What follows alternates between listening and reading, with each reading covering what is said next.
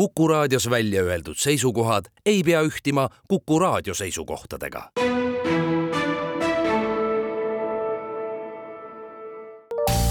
terviseks. Saadet toetab Lääne-Tallinna Keskhaigla, vaata ka keskhaigla.ee tere, head Kuku kuulajad, eetris on saade Terviseks ja me räägime täna reisimeditsiinialasest nõustamisest, sellest, et mida see täpsemalt endast kujutab, kellele see mõeldud on, mis küsimustega sinna äh, inimesi oodatakse. mina olen Ingela Virkus ja olen selleks stuudiosse palunud Lääne-Tallinna Keskhaigla ambulatoorse nakkuskeskuse ülemarst juhataja, doktor Kersti Kingi, tere! tere! Te annate siis, ongi, selle nimi ongi, ma saan aru, reisimeditsiinialane nõustamine, et kui tavapärane see üldse on, et selliseid nõustamisi haiglates antakse? Reisimeditsiini nõustamine ei ole väga tavapärane teenus ja Lääne-Tallinna Keskhaiglas ilmselgelt on kõige suurem reisimeditsiini nõustamise kabinet ja meie see, teeme seda aastaringselt. on nõustamisi ka teiste suuremate keskhaiglate juures, aga kuidas ja kui palju nad seda teevad, sellele ma täpselt vastata ei oska. kes seal nõustamiskabinettides siis töötavad, et mis on teie taust? Nõustamiskabinetis ideaalis peaks töötama inimene, kes on kursis nakkushaigustega ja kes armastab reisida. loomulikult, kes on siis läbinud ka vastavad koolitused ja saanud oma täiendavad teadmised reisimeditsiinist milliste küsimustega siis teie juurde tulla võib, et kas nakkushaigused, haigused, tervisega seotud küsimused ongi need peamised? Nõustamisele tulekuks on erinevaid põhjusi, et tõesti on lihtne reis, kui inimesed lähevad puhkusereisile ja näiteks mitte väga tavapärasesse piirkonda, vaid Aafrikasse, Lõuna-Ameerikasse, Aasiasse. teine põhjus, mis on ka väga sageli, kui inimesed lähevadki pikale reisile, et nad teevad äh, nõndanimetatud tiiru ümber palli ja tahavad teada siis täpselt, kus, mida võib oodata, kuidas käituda, mis ravimeid kaasa võtta ja nii edasi. ja kolmas selline äh, ka natuke sarnane põhjus on, kui äh, minnakse õppima, et äh, õppimisvahetusõpilased, tavapõhikoolides ja üliõpilased, kes suunduvad ka teistesse õppeasutustesse, siis on nemad ka meie külalised. kui näiteks siis õpilane lähebki kuhugi Euroopa riiki mõneks ajaks, et kas siis on ka mõistlik teie juurest ikkagi enne läbi tulla või pigem nõustate neid, kes lähevad kuhugi kaugemale? tegelikult vajaks nõustamist kindlasti kogu seltskond, et ka siis, kui minna Euroopasse õppima, on väga oluline see, et oleks kaitstud vaktsiinvälditavate haiguste suhtes. Ja kui meie Eesti ülikoolid ja koolid võib-olla suhtuvad sellesse suht sellised, pigistavad silma kinni, siis rahvusvahelistes ülikoolides see nii ei ole ja seal on väga kindlad nõuded. Ja soovitan kindlasti, et just need, kellel on äh, mingi tõrge olnud vaktsineerimisel, et kas nad on haiged olnud ja ei ole saanud oma vaktsineerimist lõpetada või nad ei olegi alustanud, siis ilmselgelt nad peaksid tulema ja nõu pidama, et kas äh, nad jõuaksid selle õigeaegselt tehtud ja et nad oleksid kõlbulikud kooli minema no just, et, et see vaktsiin hakkaks toimima, see võtab ju ka oma aja, et millal on siis kõige õigem aeg käia enne teie juures nõustamisel, et kui selgubki, et ongi vaja mingid vaktsiinid võib-olla kas lõpetada või siis hoopis juurde teha? et kui inimene on eelnevalt vaktsineeritud ja tõesti on äh, seotud see reisimisega, siis piisab äh, tegelikult, kui on neli nädalat, kuus nädalat enne reisi, siis me jõuame kõik rahulikult ära teha ja ei pea inimest täitsa ära surnuks süstima, ütleme nii. aga et tal endal ka oleks mugav. aga kui on äh, need juhud, kui tõesti ei ole ennem üldse vaktsineerimisega kokkupuudet olnud, siis tuleks alustada seda päris varakult ja ma eeldan, et kuskil kaheksa kuud enne tähtaja saabumist millised on äh, kõige sagedasemad nakkused, mida siis seostataksegi just äh, reisimisega? et äh, reisimisega seostatakse kõige rohkem seedenakkusi, mis ma arvan, on kõige tavalisemad ja millega ka kõik inimesed võib-olla kõige paremini hakkama saavad ise, aga ka seal me anname nõuandeid, siis ähm, teisel kohal on ilmselgelt lööbed, erinevad lööbed, on palavikud, palavikulised lööbed ja erinevad allergiad, hammustused, nendega seonduvad kas siis lihtsalt sümptomid või haigused. ja,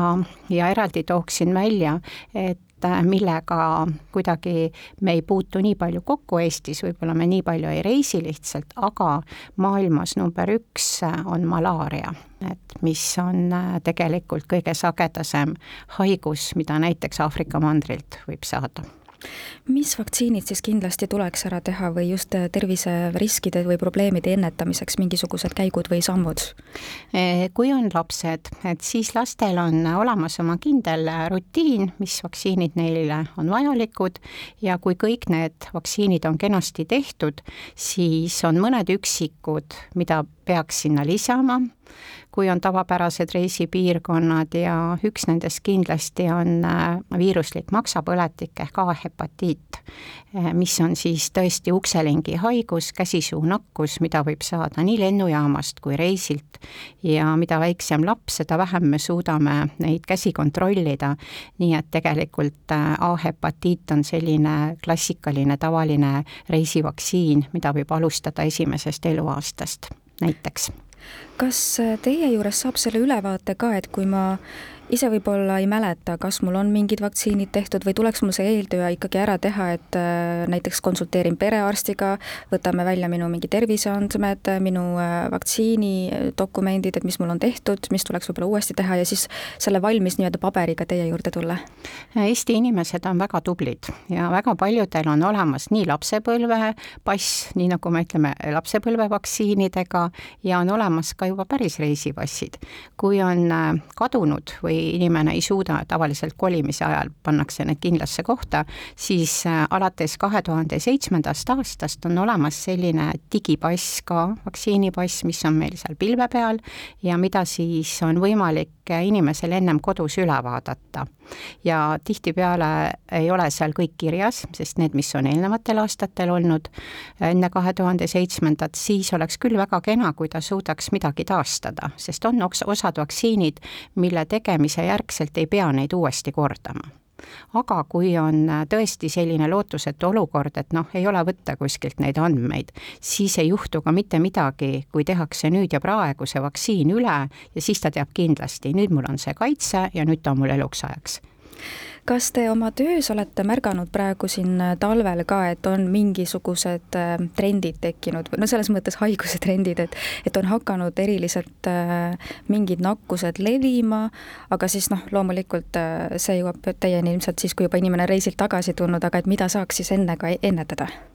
Eh, samamoodi, et enne reisile minekuks võiks olla tehtud väga tavaline vaktsiin, mida, millesse suhtutakse tegelikult natukene ülekohtuselt, on gripivaktsiin. et kui reisimise hooaeg algab ju tegelikult oktoober, november, et siis on ka gripihooaja tõus, et tegelikult eh, õhkpiisknakkus hästi külge hakkab, nii et see on, oleks ka täiesti nagu mõistlik reisivaktsiin nii täiskasvanutele kui lastele, et et äh, gripihaigus on sellel aastal olnud ja on ka praegu, nii et äh, gripivaktsiin on jah, alahinnatud, ma ütleks selle kohta. aga et mis nüüd just on nagu rohkem tulnud, see sõltub ka kindlasti sellest, kus piirkonda inimesed reisivad. et äh, paljud reisid praegu lähevad Keeniasse, Tansaaniasse, näiteks Aafrika mandril, mis on küllalt turvalised, noh, Lõuna-Aafrika Vabariik ka, turvalised turistipiirkonnad aga ka seal on tulnud äh, malaariahaigeid äh, sellest piirkonnast meile tagasi ja, ja ikkagi me ka nendele reisijatele noh, nõustame neid äh, malaaria profülaktika suhtes. et see on üks haigus, millele ei ole suudetud veel head vaktsiini teha, aga inimesed saavad ennast kaitsta sellega, et nad võtavad tablette ja nende tablettide ümber on veel tekkinud selline tohutu müüt, et nad oleks mingid tohutud kurjategijad, need tabletid, et teevad väga halva enesetunde ja paljud neid nagu pelgavad, et tegelikult see tegelikult nii ei ole. et ilmselgelt on kaitse, profülaktiline kaitse vajalik, kui te lähete piirkonna, kus on malaariasääsed. ja see, et teil hakkab nendest tablettidest halb, siis tuleks otsida põhjusi natukene võib-olla kuskilt mujalt mis see tähendab et võib-olla on tarbitud alkoholi liiga palju, võib-olla on lihtsalt äh, samaaegselt tulnudki see soolenakkus, mis kõige sagedasem või lihtsalt reisija, nimetatakse reisija diaröa ehk reisija kõhulahtisus, et inimene jõuab äh, piirkonda, kus on täiesti teistmoodi bakterid ja organism korraks ehmatab ära sellest ja see on ka ühe-kahe päeva lugu. et äh, samaaegselt hakata ju ka malaariatablette võtma, nii et kõik see uus keskkond on just täpselt nagu võrdne selle teise olukorraga, mis on tabletitoime, nii et mina igatahes julgustan tablette võtma ja, ja ütlen, et sellest on, on suur abi, et need, kes on võtnud tablette, ei ole haigestunud, need, kes on katkestanud, need on haigestunud või kes üldse loomulikult ei ole võtnud, on ka haigestunud. me jätkame oma vestlust juba homme kell neliteist nelikümmend viis. terviseks saadet toetab Lääne-Tallinna Keskhaigla, vaata ka keskhaigla.ee